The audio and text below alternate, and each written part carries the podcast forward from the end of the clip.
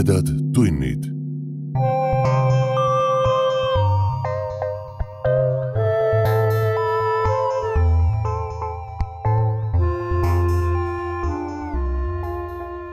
tere, hea ulmesõber. sa hakkad kuulama õudus- ja ulmejutu vestmis podcasti Tumedad tunnid neljakümnendat osa. mina olen saatejuht Priit Öövel. Peipsi ääres asub kena väike Varnja küla. Selles kenas Varnja külas asub Voronja galerii. juba alates kahe tuhande neljateistkümnendast aastast on Voronja galeriis erinevatel teemadel kunstinäitused. seekordse Varonia kaheksanda suvenäituse teemaks oli kolmainsus, teadus, kunst, ulme. kuraatoriteks teadlased Kaia Põhako-Esko ja Tõnu Esko. Tõnu, kes on ise tumedate tundide usin kuulaja ja toetaja, tegi mulle ettepaneku tulla ühel sumedal suveõhtul galeriisse ja pärast galerii tuuri vesta huvilistele mõned õuduslood, mis oleks kuidagipidi ka teadusega seotud see viimane ülesanne mul vist väga hästi ei õnnestunud. aga eks kuulake ise.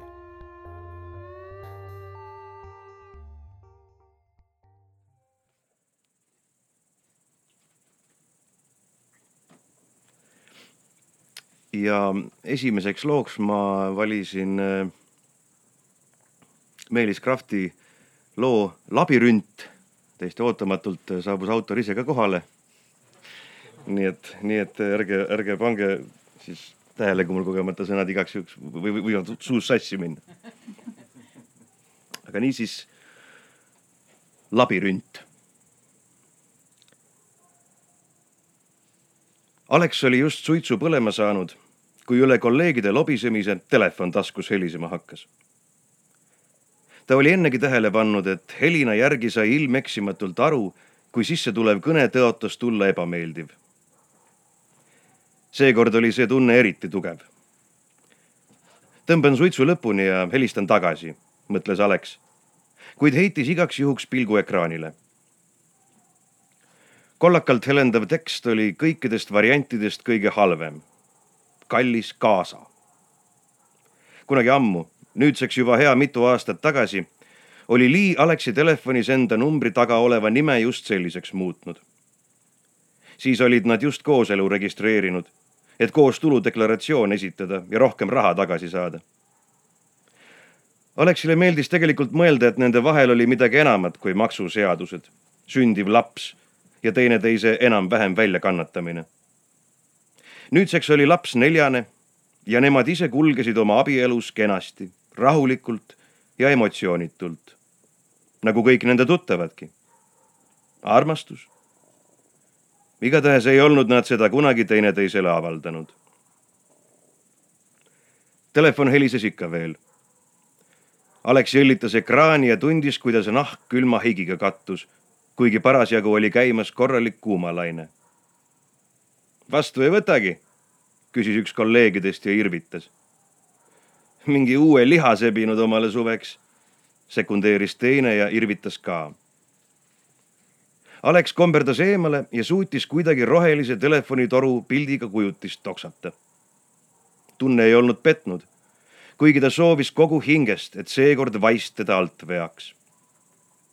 ta ei mõistnud kohe imepisikestest augukestest välja paiskuvaid helisid. Kostus vaid nuuksumist. Lii, Lii, proovi rahuneda. mis juhtus? Läks mitukümmend sekundit, enne kui Lee esimesed arusaadavad sõnad kuuldavale suutis tuua. Rosi, Rosi on kadunud. kolleegid vahtisid imestunult, kuidas Alex oma auto juurde tormas ja minema kihutas. Tibil on vist pool tundi vaba aega, nentis üks ja viskas koni prügiurnist mööda. kui Alex koju jõudis, oli politsei juba kohal pikkade heledate kiharatega naismundrikandja helistas kiirabisse.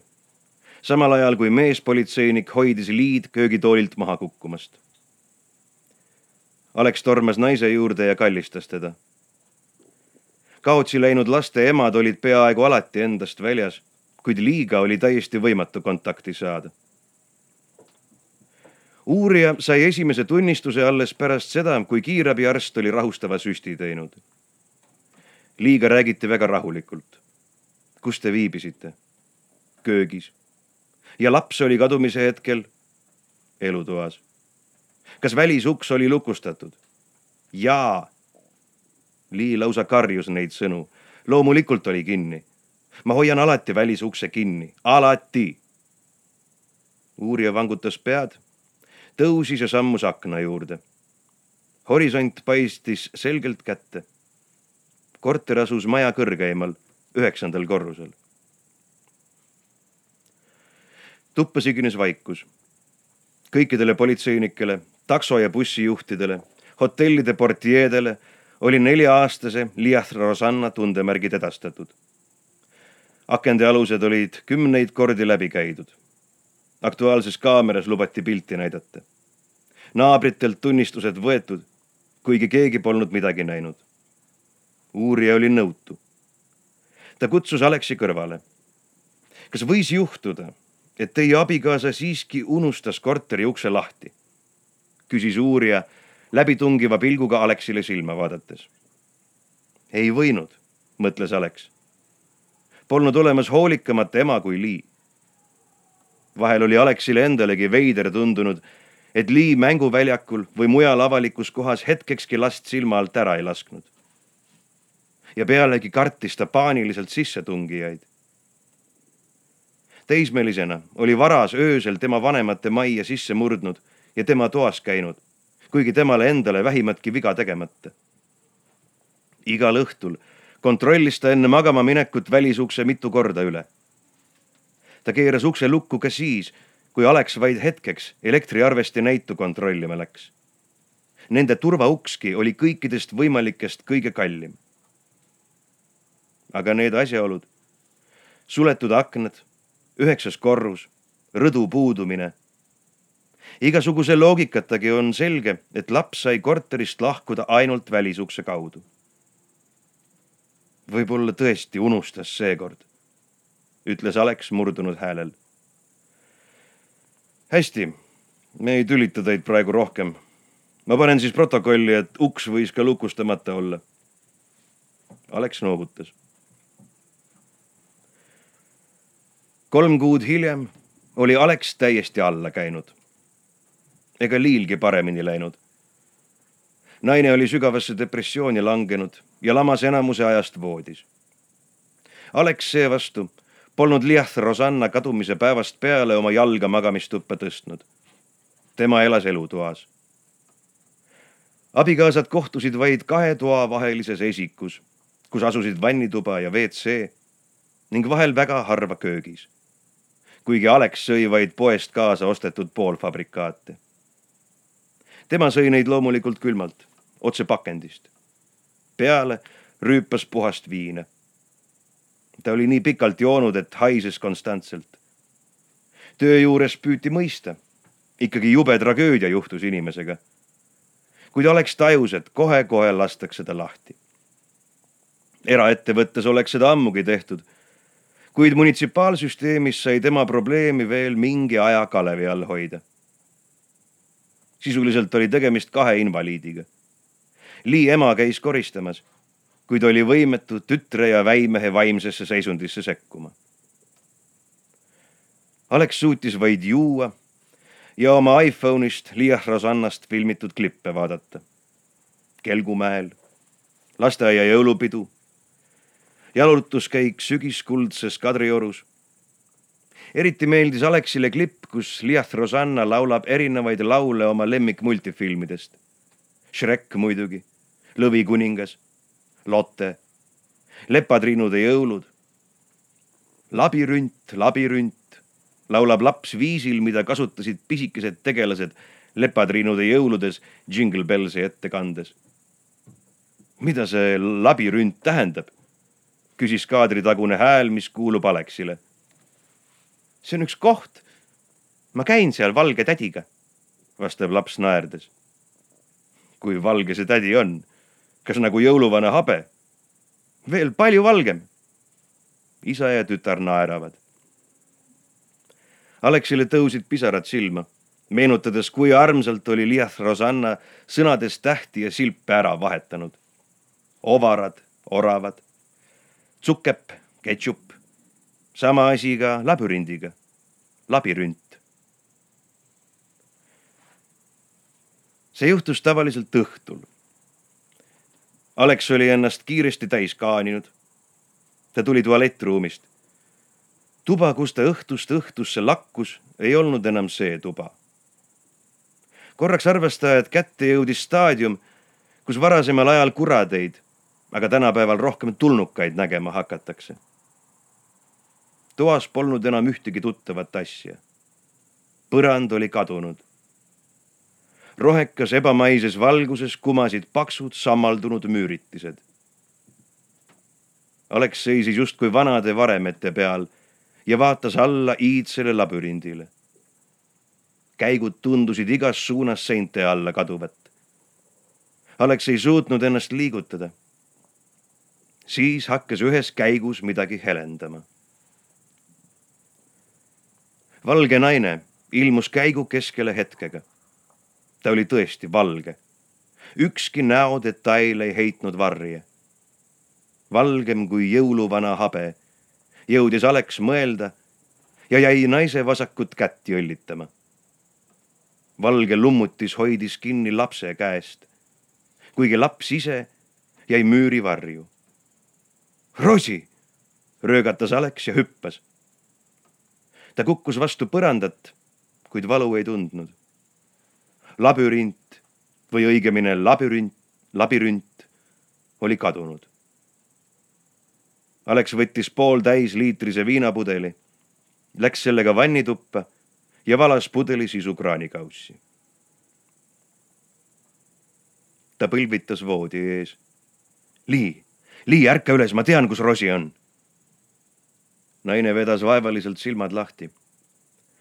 ta viibis kogu aeg poolunetaolises olekus, magamata päriselt ja olemata päriselt ärkvel.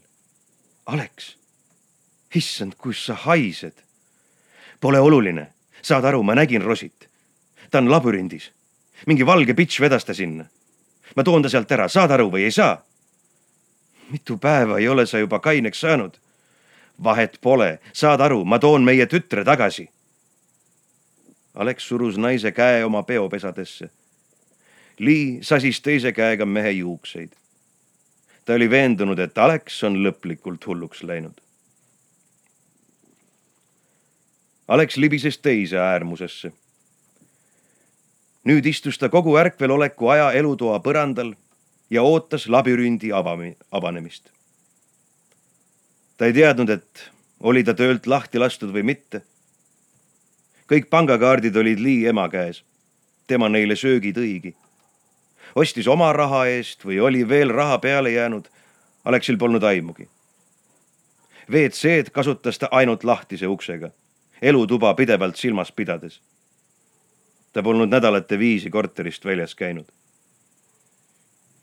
ühel õhtul ilmus ootamatult toa uksele Lii, käes tass aurava teega.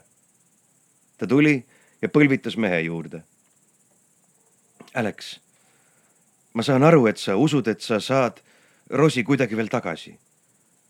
aga äkki oleks aeg leppida, et ta on läinud. ma ei taha, et me oleks nagu selle Madeleine McCanni vanemad, kes kogu oma elu kadunud last taga otsivad. lepime sellega, et teda ei ole enam. Lee ulatas Alexile tassi teega. segi oled läinud või? ma nägin Roosit, ma toon ta tagasi. Seletas Alex erutatult ja rüüpas tassist. ta ei pannud veidrat maitset tähelegi. Lee ohkas ja suudles meest laubale Alex tegi silmad lahti. ta ei mäletanud üldse, et oleks magama jäänud. ümberringi valitses pilkane pimedus. ta tõusis istukile ja kobas taskutes. Üks tema kümmekonnast sipost pidi kusagil olema. ta leidis tulemasina ja samast taskust ka ühe paberilehe. klõpsanud leegi põlema ei osanud ta muud teha, kui vaadata, mis paber taskus oli võbelevas helgis paistsid ebaühtlased tähed. see oli kiri. kallis Aleks. Rosi ja minuga on kõik korras. Anna mulle andeks. ta oli ainult vahetusega nõus. ma pidin Rosi tagasi saama.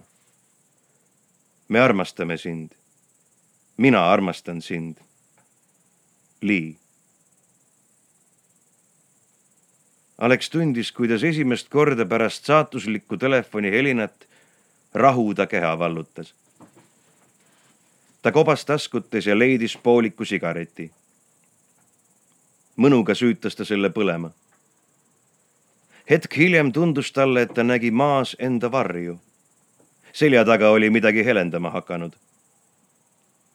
Alex pöördus rahulikult ringi ja vaatas valgele naisele otse silma sisse tere, mina olen Alex, lausus ta, tõmbas sügava mahvi ja puhus tubli pahvaka sigaretisuitsu otse lumivalgesse näkku.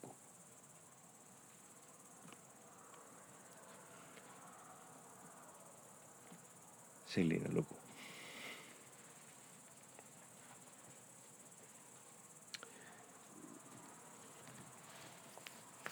ja teiseks looks siis teeks midagi sellist, mis oleks natukene teadusega ka võib-olla seotud. teiseks looks ma loeksin Joel Jansi õudusloo Ükski laip ei ärka ellu. aga vahemärkusena veel see, et ma salvestan selle tänase meie istumise siin üles ja, ja septembrikuus saab seda ka kuulata meie podcast'is aga nüüd siis Joel Jansi Ükski laip ei ärka ellu.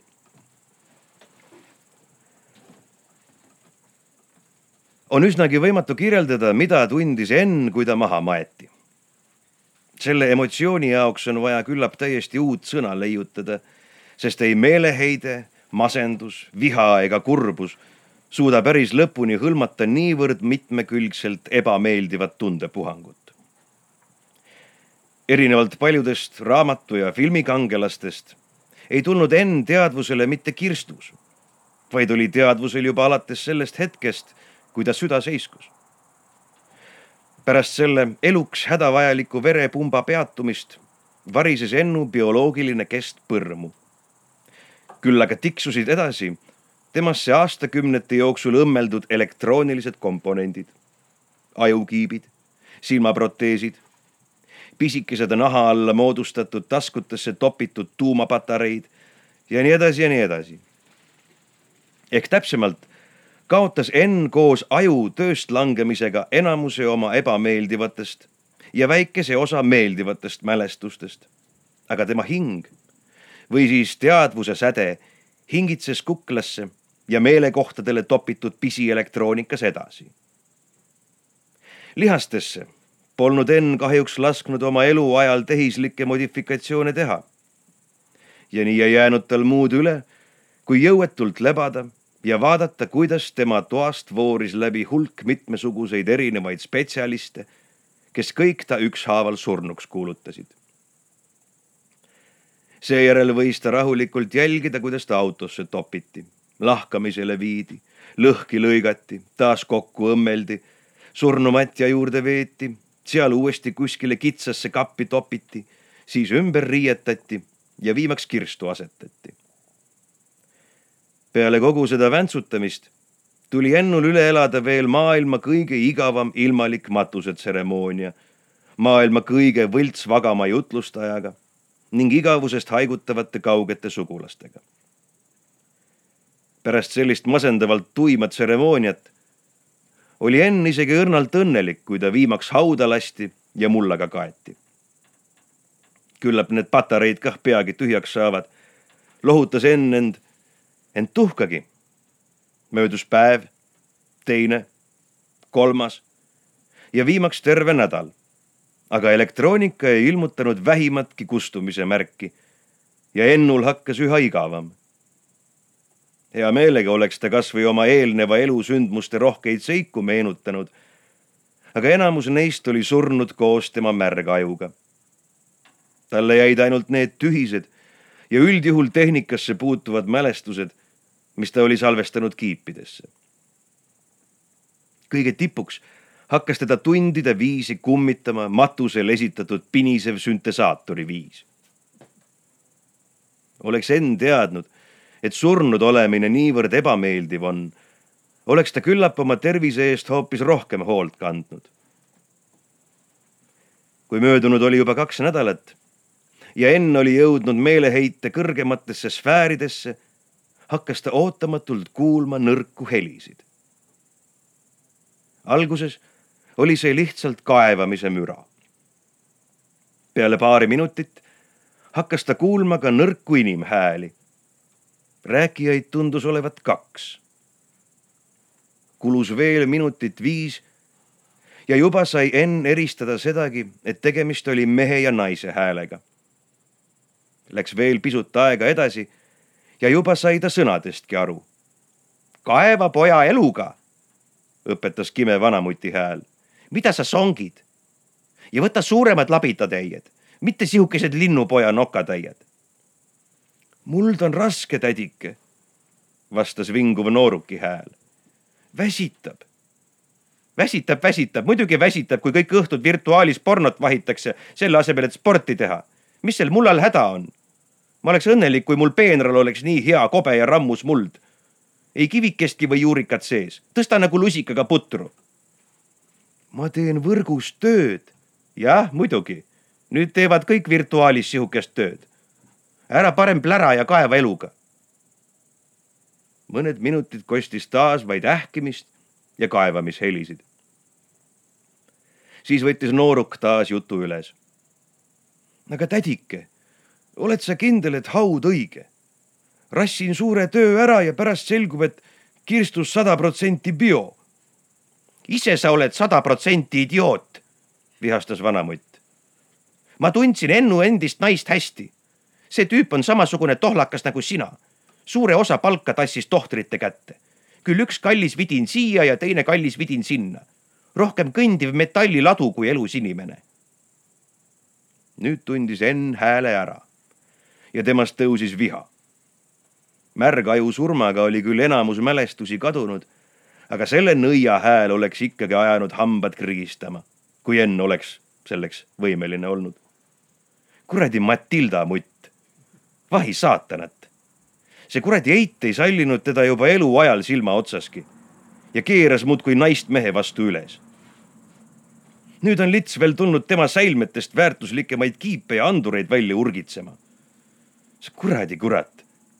olukord tõotas minna veelgi hullemaks meeleheide andis Ennule jõudu. nagu juba öeldud, polnud tal liikmetes ühtegi tehislikku lisandit. tehissilmadest polnud pimedas kirstus mitte kui mingit kasu. vaevalt ka elektroonilised kõrvad teda millestki välja aidanuks. jäi üle vaid traadita võrguside moodul. see oli aga neetult lühikese leviga. ent uppuja haarab ka kinni igast õlekõrrest nii lasi koolnu veel kord skännimisprogrammid käima ja kammis sellega enda ümbruses ringi.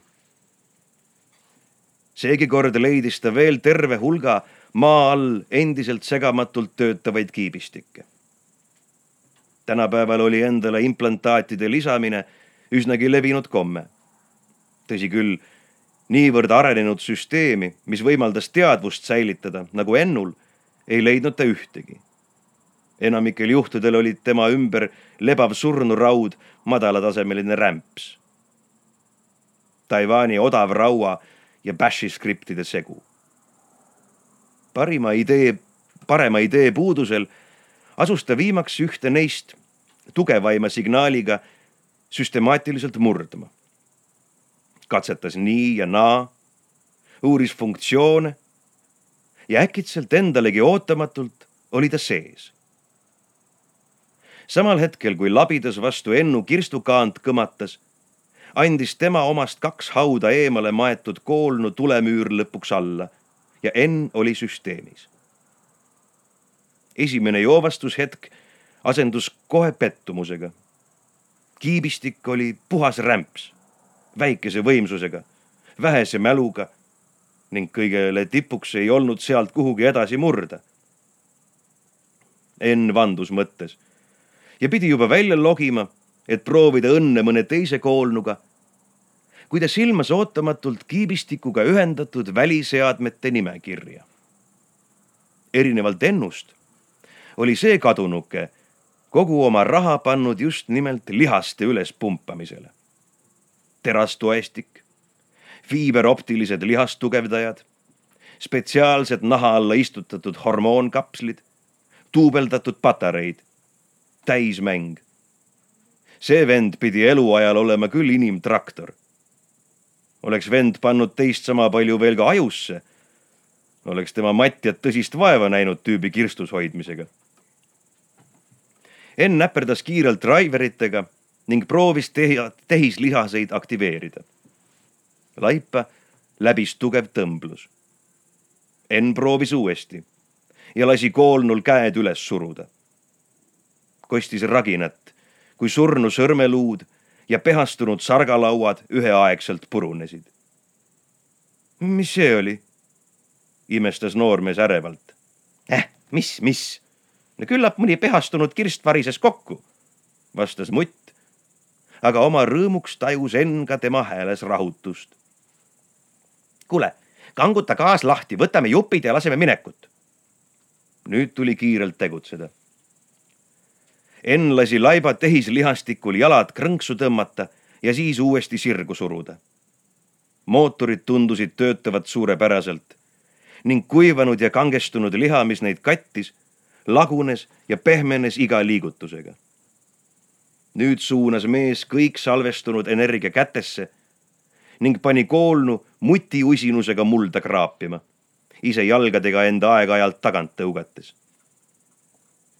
üheaegselt sellega, kui hauaröövlid kirstult viimaks kaane pealt said ning hetkeks talumatult ereda taskulambi valguse kui laserkiireda optilise närvi poole suunasid sai ka kõrvalhaua koolnu viimaks mullakihist läbi murtud. Ennu palavikulise töö tulemusena ukerdas laip kuuvalguse kätte ja sööstis siis mootorite unnates edasi. ja hetk hiljem seisis müra peale ümber pöördunud Matilda ja ta õepoja ees kohutav ilmutis. pooleldi mädanenud, kokku kuivanud ja mustaks tõmbunud surnu silmakoopad täis väänlevaid vaklu ja käeköntidest paistmas läikivast terasest luud. Kogu seda pilti hauasüvendist jälgiv Enn ei kavatsenudki aega raisata. Need kuradi limukad tuli kõrvaldada ja kohe. nii sundis ta surnut oma hauaröövlitele veel sammukese lähemale astuma ja suskas tolle keha parema käe köndiga vanamoorile näkku löök läks õnnet-, õnnetuseks mööda, rebides mutilt küljest vaid kõrva ja tüki peanahka. Vana mutt röögit-, röögatas valust ja ehmatusest ning üritas põgenema pista. ent takerdus kohevasse, välja kaevatud mullakuhilasse ja vajus käpuli. Enda kohmakust siunav Enn virutas uuesti ja seekord täppi. viimanegi tehisluu ümber olnud kuivanud liha pudenes köndi ümbert maha ja süsinikterasest kont tungis Heidele sügavalt silma. Vanamoor isegi ei karjatanud, vaid vajus lihtsalt kotina maha. õepoeg pistis ulguma ja rehmas labidaga surnu suunas. tal õnnestus endalegi ootamatult selle servaga laiba pea puhtalt maha lõigata. see aga Ennu ei peatanud. vanamoori verest tilkuv könt sööstis läbi õhu noormehe suunas ja tabas tema õlga. kostis puruneva luuraginat. poiss vajus ulgudes auku pikali ning löögist tasakaalu kaotanud laip räntsatas talle peale. näkku sadanud muld, vereläga ja lima muutsid Ennu hetkeks pimedaks. ta kuulis vaid oma ainsa töötava kõrvaga nooruki ulgumist ja lasi jõujuurika laibal umbropsu rapsida, lootuses, et ehk läheb mõni hoop pihta paistis, et see võitlustehnika töötas. sest õepoja meeleheitlik röökimine asendus peagi korina ja seejärel vaikusega. Enn lasi surnul ettevaatlikult tema kirstult kaane ära tõsta ja enda vanalt kehalt pea küljest rebida. ta võttis pea kaenla alla ja peatselt kuldasid esimesed tõusvad päikesekiired kõige kummalisemat ja hirmuäratavamat olevust, kes oli eales surnuaia väravatest välja astunud.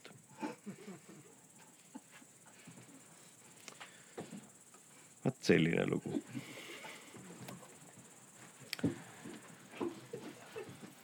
kas tahate ühte leibemat lugu veel? teeme rahustuseks, et ei tuleks siis et ei tuleks siis väga halvad unenäod võib-olla.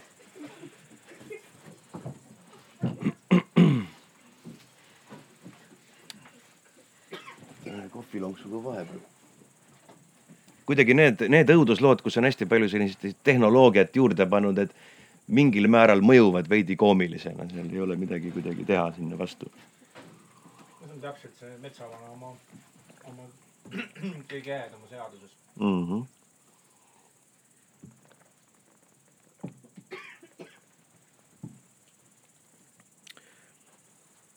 aga lõpetuseks siis, ma ei tea, kas see läheb meditsiinivaldkonda. vist ei lähe tegelikult, aga, aga hea küll.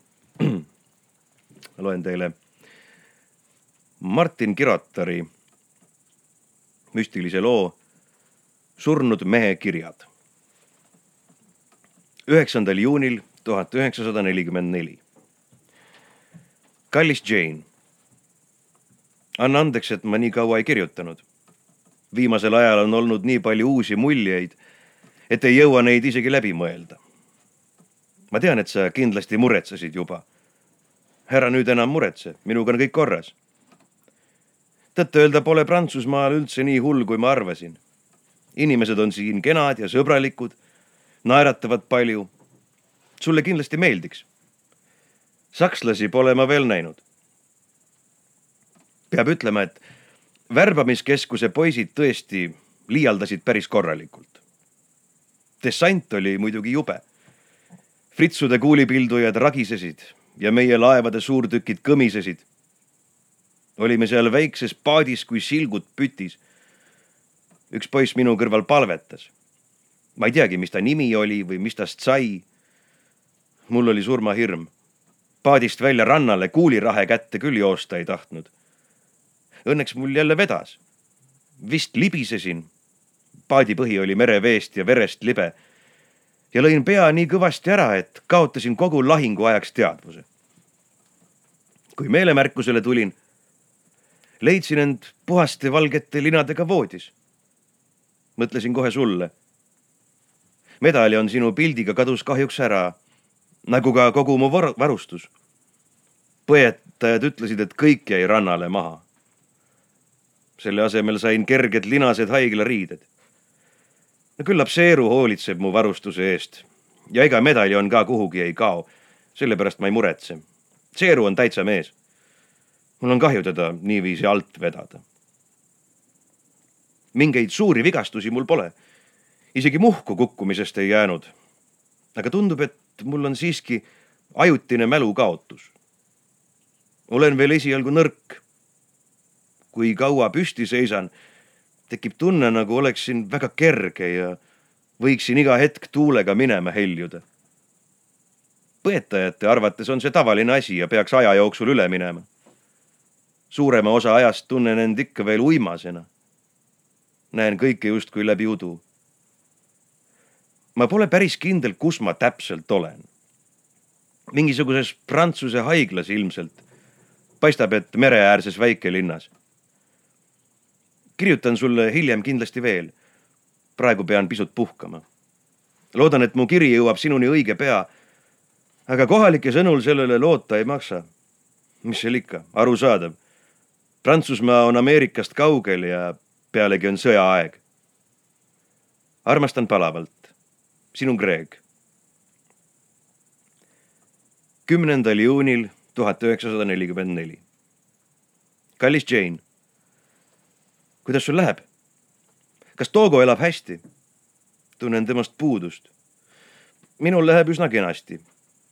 põetajad ei taha mind veel minema lasta. aga ma võin juba linnas ja mere ääres jalutuskäike teha. siin on väga vaikne. lahingutegevusest pole mingit märki. kui ma seda ei teaks, ei oskaks arvatagi, et asun rindele nii lähedal. ega ma väga tagasi ei kipugi. Ühest lähedasest kokkupuutest surmaga dessandipaadis piisas mulle täiesti. külaelanikud ja põetajad on väga kenad ja suudavad end mulle päris hästi arusaadavaks teha, ehkki nad ei saa kindlasti inglise keelt eriti hästi osata. koos minuga on siin veel paar võõrast. üks neist, Jake, on täitsa oma poiss, Utah'st pärit. arvan, et ta toodi siia umbes päev pärast mind. Ka tema oli kohe haiglariietes, ilma varustuse ja isiklike asjadeta. ma loodan, et need prantslased meie kraamile näppe taha pole ajanud. Jake räägib kogu aeg, et tahaks tagasi rindele ja kirub oma halba õnne, et ei saa Ameerika eest võidelda. ka temal pole vigastusi ent ta tunneb end samamoodi nõrgalt nagu mina. mul on tema juttu natuke väsitav kuulata. Tundub veider, et ainult mõnda aega tagasi mõtlesin ma ise samamoodi. mis mul ometi hakkas, et ma sinu juurest ära tulin ja siia sõitsin.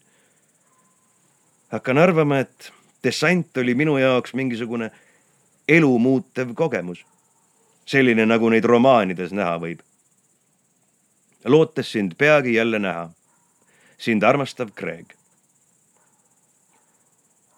kaheteistkümnendal juunil tuhat üheksasada nelikümmend neli. Kallis Jane. olen ikka veel samas linnas. tundub, et armeest pole keegi mind otsimas käinud, nagu ka ülejäänud tosinat Ameerika sõdurit, kes siia toodi. Jake ja Mike arutavad sageli, miks nad ei tule ja mis võib juhtunud olla. mind see suurt ei huvita tahaksin ainult koju tagasi tulla. kohalikud annavad lootust, et varsti saan siit minema. Nad ütlevad, et mul läheb palju paremini kui teistel ameeriklastel. sõjast nad rääkida ei taha. aga mina ei küsi ka. ja seetõttu saan nendega päris hästi läbi. ma pole kunagi kohanud sõbralikumaid ja lahkemaid inimesi. olen palju ringi uidanud seni on ilm iga päev vaikne olnud. taevast katavad madalad pilved, heledad ja tupsulised nagu vatt. Mere kohal on alati udu. rand meenutab mulle järve kallast, kus me Togogo jalutamas käisime. teinekord läks ta visatud kepi järele nii kaugele vette, et ma mõtlesin, et ta on meid unustanud ega tulegi tagasi. mäletan märga liiva taldade all sinu kerget suvekleiti ja päevitunud sääri. soovin, et oleksime sagedamini koos kõndimas käinud. Need on ühed mu ilusaimad mälestused. loodetavasti avaneb meil varsti jälle võimalus koos järve äärde minna. teine asi, mida ma kahetsen, on see, et ma oma vanematega rohkem aega ei veetnud. kui sa aega leiad, ole nii kena ja ütle neile, et nende poeg armastab neid ja tuleb neid vaatama niipea kui saab. armastan ja igatsen. Greg. Viieteistkümnendal juunil tuhat üheksasada nelikümmend neli. kallis Jane, olukord hakkab mulle üha veidram tunduma. tegelikult ma isegi ei tea, mis kuupäev täna on. olen oma toibumisest saadik päevi lugenud aga mul pole mingit moodust teada saada, kui kaua ma täpselt teadvuseta olin. pealegi näib aeg siin rannaäärses linnakeses pikaks venivat ja laiali laotuvat. Kohtasin täna Pierre'i, kes toodi siia paar päeva tagasi. ta on prantslane, oli vist vastupanu liikumises. Pierre ütleb, et prantsuse keelt need kohalikud küll ei räägi. samas saame mõlemad neist aru kas see võib olla mingi imelik murrak? igatahes on mul Pierre'iga rohkemast rääkida kui teiste ameeriklastega. ta tundub olevat vahva sell. Lausa hämmastav, kui elust eemaldunud tunne võib sellises unises maakohas tekkida. kõik on nii kenad ja naeratavad, et vägisi tekib tahtmine nende kombel lihtsas rahulolus päevi mööda saata. ainsad mis mulle veel tegevust annavad, on minu mõtted. ja muidugi sina, mul on kahju, et ma viimasel korral sind nähes ei kallistanud sind kas või mõne hetke kauem. Kas ma ikka ütlesin, et armastan sind?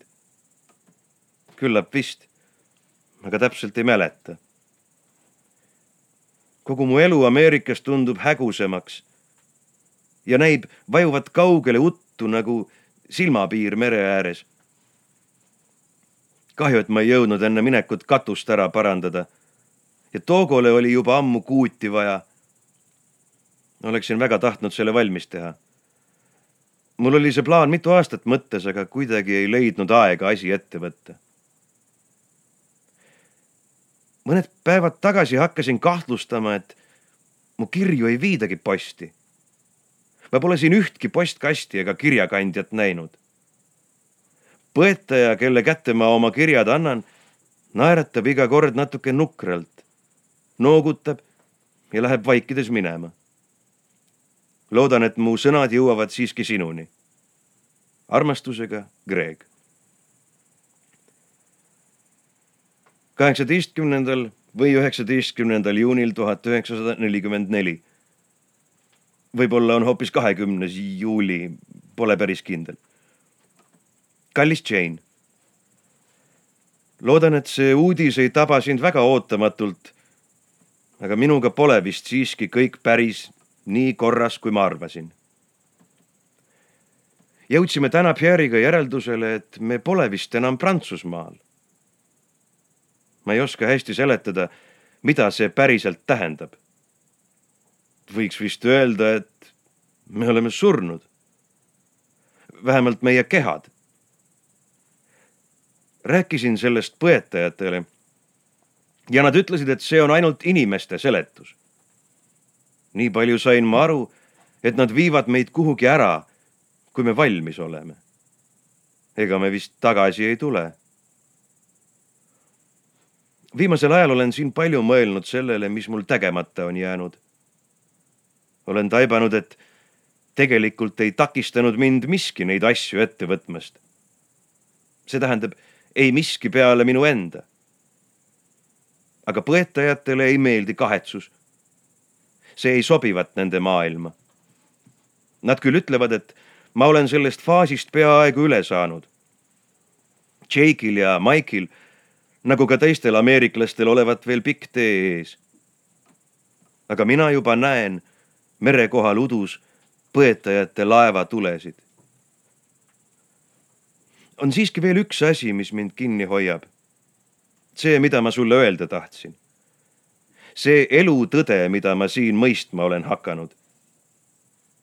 ma pole mingi poeet ega kirjamees. aga mõte pole õnneks keeruline ega vaja osavat sulge. siin see on. ela nii, et sa ei peaks midagi kahetsema. lihtne, mis? PS. nägin täna rannas Togot ta liputas mulle saba, aga ligi ei tulnud. põetajad ütlevad, et loomad ei peatugi siin kaua. Nemad viiakse kohe edasi, sest nad ei kahetse midagi. Nad on juba põetajate maailma jaoks valmis. ära siis tema pärast muretse. tal läheb kindlasti hästi. igavesti sinu, Greg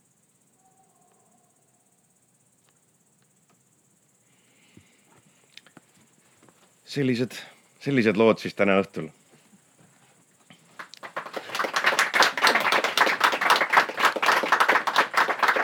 aitäh. ja kui tekkis, tekkis huvi, siis eh, kuuldemängu või järjejutu vormis saab siis jah kuulata Tumedad tunnid podcast'i erinevatel platvormidel või kui lugeda, siis näiteks kõik need kolm lugu, mis ma täna ette lugesin, on täiesti vabalt koos kümnete ja sadade muude lugudega loetavad sellises kohas nagu ulmeajakiri Reaktor aadressil www.ulmeajakiri.ee. ja on veel teine tasuta võrguväljaanne, ajakiri Algernon.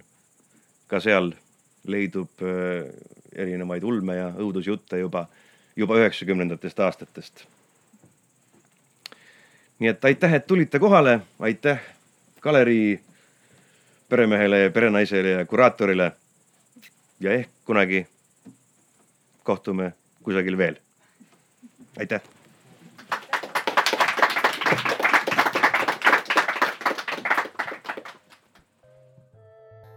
Te kuulsite jutte Meelis Krafti Labürint, Joel Jansi Ükski laip ei ärka ellu ja Martin Kirotari Surnud mehe kirjad. salvestatud kolmeteistkümnendal augustil Voronja galerii suveaias. Järgmised jutud juba oktoobris. jagage meid seni sotsiaalmeedias oma sõprade ja vaenlastega. kõhedate kuulmisteni